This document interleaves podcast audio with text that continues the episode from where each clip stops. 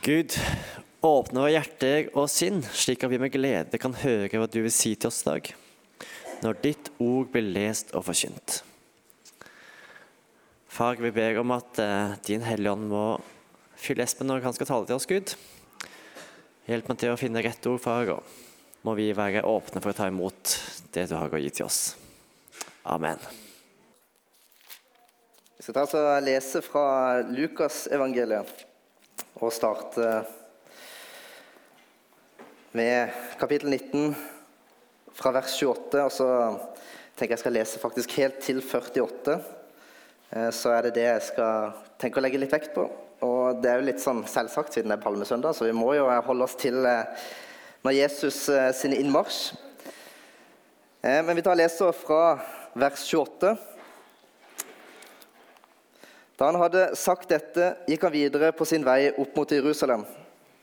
Og da han kom nær Betfage og Betania, ved den eh, høyden som het Oljeberget, sendte han to av disiplene av sted og sa.: Gå inn i landsbyen som ligger foran dere. Når dere kommer inn i den, skal dere finne et eselfole som står bundet, og som det aldri har sittet noe menneske på. Løs den og lei den hit. Og om noen spør dere, hvorfor løser dere den? Skal dere svare 'Herren har bruk for den'. De to gikk av sted, og de fant det slik han hadde sagt det. Da de løste eh, folen, spurte de eh, som eide den, Hvor, eh, 'Hvorfor løser dere folen?' 'Herren har bruk for den', svarte de. Så leide de folen til Jesus, la kappene sine på den og lot Jesus sette seg opp. Og Der red han fram bredte folk ut kappene sine på veien. Da han nærmet seg eh, skråningen ned fra Oljeberget, begynte hele mengden av disipler i sin glede å lovprise Gud høylytt for alle de mektige gjerningene de hadde sett. De ropte 'Velsignet er Han, kongen som kommer i Herrens navn', fred i himmelen og ære i det høyeste. Noen fariseere i folkemengden sa til ham, 'Mester', Tal disiplene dine til rette. Men han svarte, Jeg sier dere, dersom du tier, skal steinene rope. Da Jesus kom nærmere og så byen, gråt han over den og sa, Hadde du bare på denne dagen forstått, du også, hva som tjener til din fred? Men nå er det skjult for øynene dine. Det skal komme dager over deg da fienden Fiendene dine kaster en vold opp omring, eh, omkring deg, omringer deg og trenger inn på deg fra alle kanter. De skal slå deg og barna dine til jorden, og det skal ikke bli stein tilbake på stein i deg fordi du ikke forsto at tiden var kommet da Herren gjestet deg. Så gikk Jesus inn i tempelplassen og ga seg til å jage ut dem som drev handel der. Han sa til dem, det står skrevet, mitt hus skal være et bønnens hus, men dere har gjort det til en røverhule. Hver dag var han på tempelplassen og underviste. Overprestene og de skriftlærde og alle folkets ledere ville gjerne få tatt livet av ham. Men de fant ikke noen måte å gjøre det på, for hele folket hang ved ham og hørte på ham. Så det er det vi kjører utgangspunktet ifra. Og det starter jo, som vi alle kjenner til. Og Hvis ikke du kjenner til, så er det fint å ha deg her. For eh, Jesus han kom jo ridende inn på et esel. Og der, er, eh, det en gledens dag. Folk jubler. Eh, Jesus' sin innmarsj kan egentlig bli sett på som en ren protest, egentlig. Som viser hans messianske autoriteter. Altså, nå kommer Messias. Jesus drar jo all oppmerksomhet på seg selv nå, for nå er hans tid inne. Og vi vet jo, Hvis vi leser eh, i, eh, før i evangeliet, når han møter enkeltmennesker og enkeltindivider, så gjør han tegn og mirakler, og folk blir helbreda. Så sier han til dem, ikke si det til noen. Vær stille, min tid har ikke kommet ennå. Mens nå så begynner han å oppfylle profetier offentlig. Nå begynner folk som jødene visste Skriften, så de visste profe, profe, profetiene som var blitt sagt om Messias som skulle komme. Mens nå Jesus han vet jo dette, så nå setter han seg på et esel. Og det er f.eks. en av disse profetiene.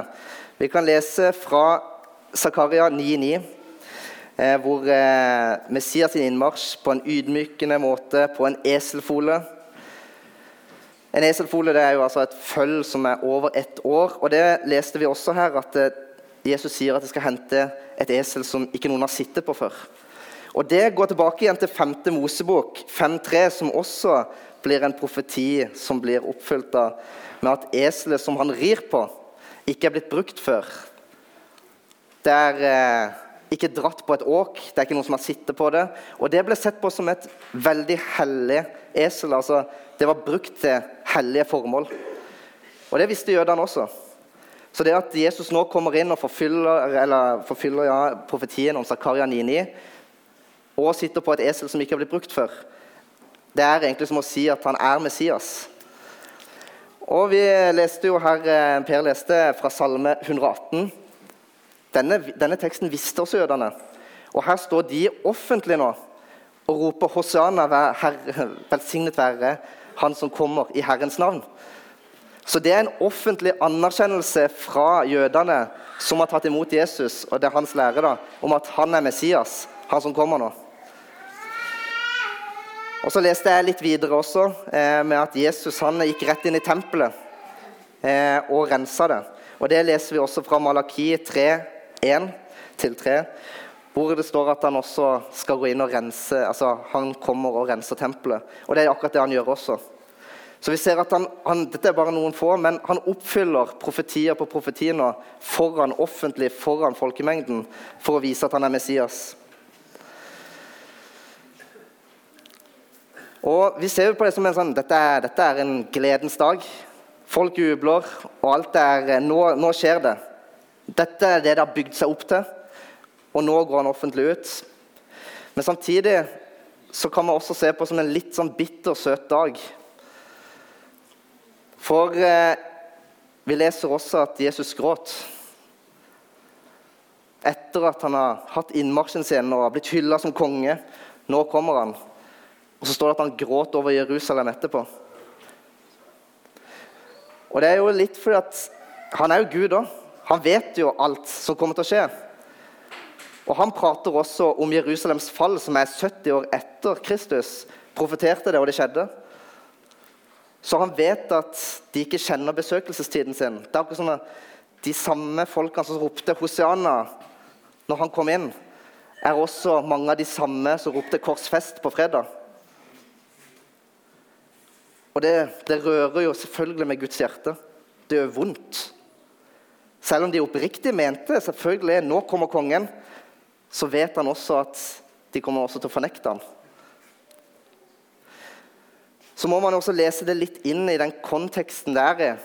For eh, jødene er jo under romersk herredømme. Og jeg tror, Nå kjenner vi historien. Vi, kjenner, vi vet jo hvordan dette går. Men det gjorde jo ikke alle sammen på denne tida. Man kunne lese det i teksten, men likevel så var det messianske oppdraget, denne rollen som Jesus skulle ha, den var litt misforstått. Og de venter nå på en konge som skal være deres krigfører, som skal Nå skal vi få tilbake makten igjen. Romerne skal bli tatt, og Israel skal bli de som regjerer nå. Og Det leste ikke jeg, men rett før Jesus' innmarsj så prater han faktisk også til eh, de skriftlærde, eh, til folket, om at de må ikke misforstå hans oppdrag her. For ellers så, Hvis du tror nå at jeg kommer for å skal ta de romerne nå, så kommer ikke jeg til å innfri det. Da kommer jeg til å svikte dere. Så han prøver hele tida. Han har vært veldig tydelig lenge før også. Men det er som noe ikke blir catcha på veien her. Det er noe som ikke blir forstått på veien. da.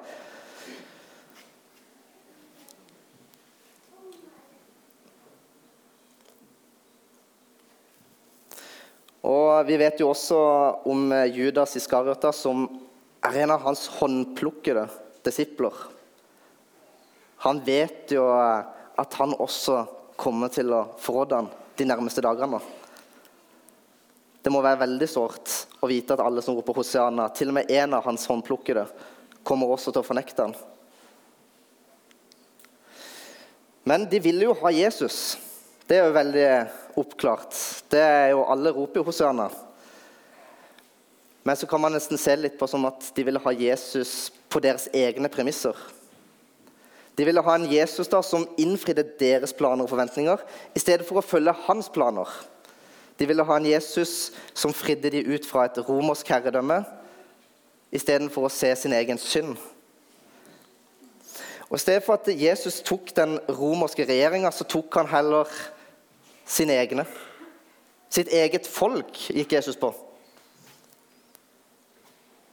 Og Vi leser jo da at han gikk rett inn i tempelet og velta bordene. Og hvorfor gjør han det? Jo, det er noe som opprører han. Han blir sint her. Og hva er det egentlig han blir sint på? Det er jo egentlig de som står og driver og Oi sånn ble det veldig eh, de, eh, de står og selger offerdyr til en veldig høy pris og mener på at de som kommer med sine offerdyr, ikke er gode nok. Så det de egentlig gjør, er at hans eget folk hindrer sine egne fra å komme nær til Gud. De kommer jo ikke inn engang til, til Gud med sitt offer. Og Det er jo nettopp også dette Jesus har kommet for, og det som vi kjenner til. Det er jo korset. Broen, veien til Gud. Åpner og gjenoppretter denne relasjonen vi var tenkt å være i. Og Selvfølgelig så vil jo det gjøre Gud opprørt å se sine egne. Holde sine egne vekke fra Gud.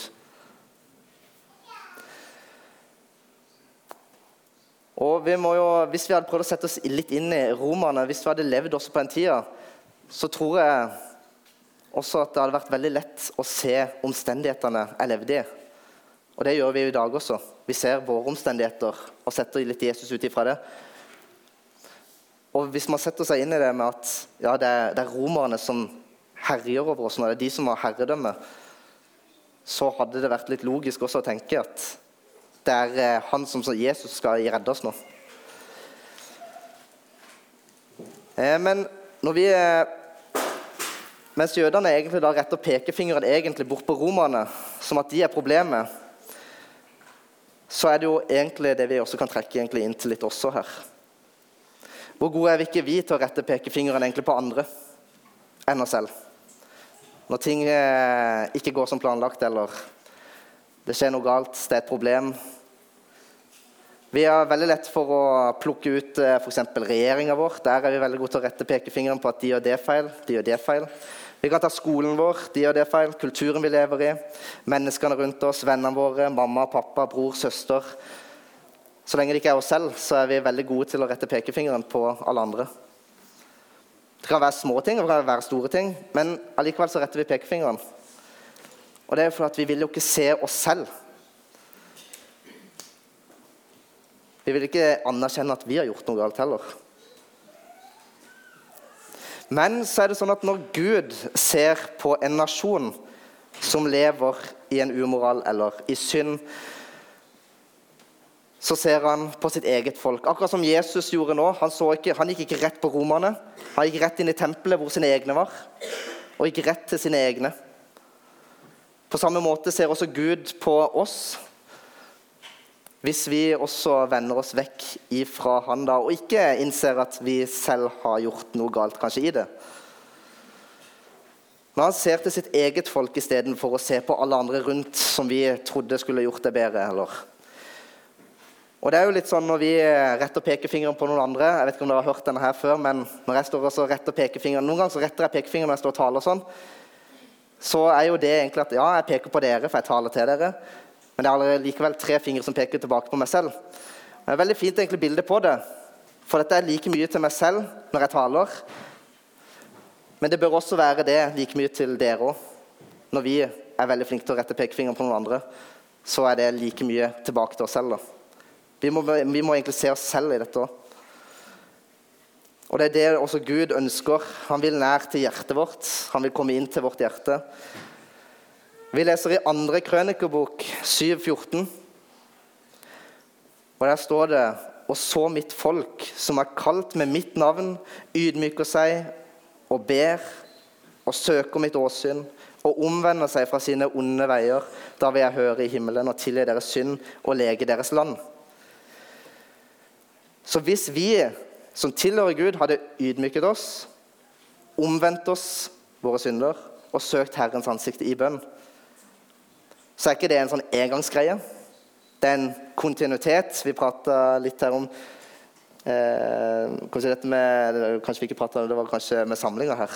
Sinnets fornyelse, da. Sinnets fornyelse det er jo ikke noe du bare gjør én gang. Paulus prater om at vi skal fornye våre sinn. Så det er en kontinuitet i dette. Det er en helliggjørelsesprosess. Vi stopper ikke. Og dette er noe vi som Guds folk da må gjøre. Og her så lover også Gud da en tredobbel velsignelse med at han vil høre oss, han vil tilgi oss, og han vil lege. Og det starter med oss, vi som sitter her. da. Det starter med meg og med deg.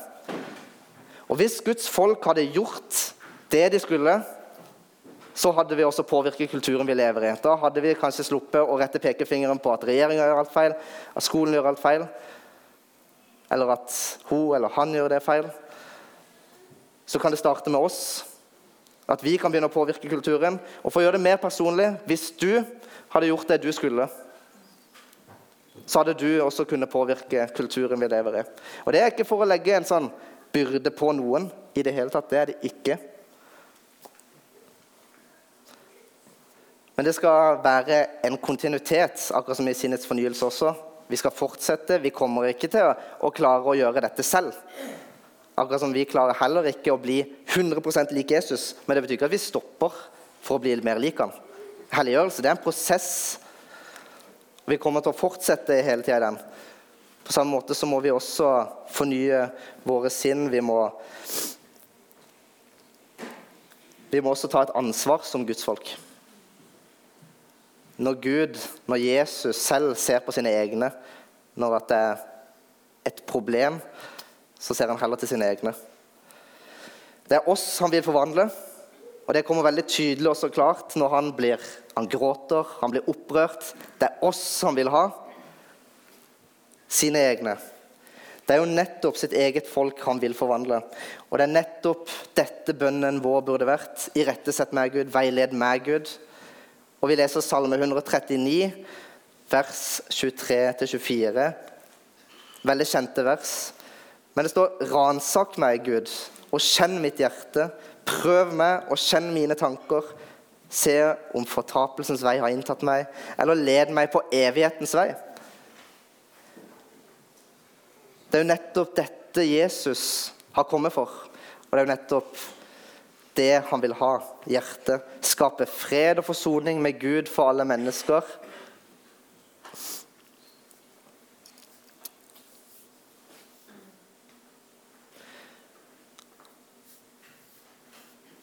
Det er veldig viktig at vi tar imot Jesus på de riktige premissene. Da. Og da er det liksom, ok, Hva er de riktige premissene? Og Da er det jo tilbake til Bibelen, Guds ord som forteller egentlig helt konkret hvem Jesus er, hva hans oppgave er, hva det innebærer. Men problemet blir jo hvis vi begynner å lage Jesus i vårt eget bilde, ettersom vi ønsker at han skal oppføre seg, ønsker han skal reagere inn i vår livsstil. Hvor mange finnes det ikke da som ønsker Jesus på sine egne premiss? Og De vil at Jesus skal gjøre alt for dem, og når han ikke gjør det, så blir det man fort at man kan bikke over til de som ropte Hosianna på søndag, og så roper korsfest på fredag. Så er det, ja, det er litt harde ord å si, men hvis vi ikke gjør noe med det heller, så blir det fort det. Jeg vet bare selv egentlig, før jeg faktisk gikk inn i den kristne tro på hvem faktisk Jesus er, og ikke den Jesus jeg har dikta opp om hvem han skal være. At han skal møte meg der jeg vil at han skal møte meg, og at han skal gjøre det jeg vil at han skal gjøre, så skjønte jeg jo veldig fort at uh, det gjorde han jo ikke. Og det vil han heller ikke gjøre i deres liv heller, hvis det er sånn at dere lager dere et eget bilde av hvem Jesus er, og ikke etter Guds ord. Det er jo derfor det er så viktig å vite ok, hva er troa vår basert på. Hva, hva er det egentlig? Er det på denne her, eh, mine egne premisser, Jesus på mine egne premisser, eller er det Jesus etter Bibelen Jesus? Og Det er jo det som også blir problemet når vi går inn Det er jo da han blir testa, når vanskelighetene kommer. Da blir jo troa testa. Jeg prata litt om tro her sist gang, faktisk. og Jeg skal ikke gå så altfor mye mer inn på det. Men det er jo når vanskelighetene kommer, når stormene kommer, når livet blir vanskelig, det er da den troa vil bli testa. Og hvis den ikke tåler å bli testa, hvis det er sånn at den troa faller, og at du mister den i vanskeligheten, så må man også gå tilbake til ok, men hva er det egentlig Jesus har lovet. da? Hva er det egentlig Jesus sier? Hva innebærer det? For selvfølgelig så vil vi jo miste den hvis det er sånn at Som f.eks. i mitt tilfelle. At når stormen kom, så tenkte jeg at Jesus skulle fjerne den. Hvis vi går rundt og tror at han kommer til å fjerne stormen, fjerne vanskelighetene, så kommer vi til å miste troa. Den mista jeg flere ganger, og den gikk jo liksom av og på. Men det er jo gjennom vanskelighetene han skal stå. Og En tro som er basert på Bibelens Jesus, er en tro også som vil stå gjennom vanskeligheter.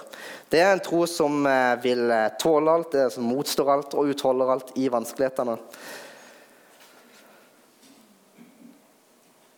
Og Det er jo det som er så fantastisk med Guds ord, det er at eh, vi leser det samme hele tida. Det er ikke noe nytt. Vi finner ikke på noe nytt her. Og jeg taler ikke ut ifra noe nytt. Jeg taler ennå ut ifra Guds ord. Og det har stått fast til evig tid og kommer aldri til å endre seg heller. Og det er jo det som er så deilig, at den troa på det som står fast, ikke vil endre seg, men vil stå. Jeg vil egentlig avslutte nå med der vi egentlig, Jesus egentlig starter hele denne påskevandringa med å ri inn i Jerusalem. For eh, vi skal bruke det bildet på at nå rir han inn i Jerusalem. Så rir han også nå inn i deres hjerter. Han rir også inn i mitt hjerte. Og da er jo egentlig spørsmålet som vi heldigvis kan stille oss, som kanskje ikke jødene forsto på den tida, men som vi forstår nå, for vi ser det hele bildet. Tar vi imot Jesus som vår Herre etter hans planer og hans vilje? Eller vil vi ha Jesus som jeg vil ha han? Vi kan stå egentlig med det veiskillet.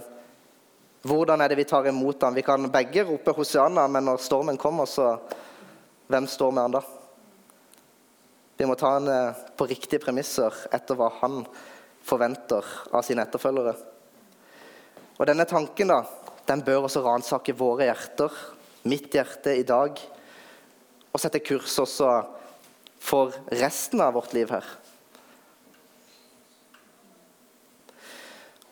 Og Da er det jo egentlig om at vi må be Jesus om å justere vårt hjerte, slik at han får være den kongen han fortjener i våre liv, slik at vi kan gjøre hans vilje og hans planer. Og da kommer vi tilbake til dette med at ok, da kan jo faktisk jeg være med på å påvirke den kulturen jeg lever i. Med å være salt og lys. Med å være et avbilde av Jesus for å vise hvem folk egentlig hvem Jesus er. Med hvordan han var i dette med helliggjørelsen med å bli mer lik Jesus.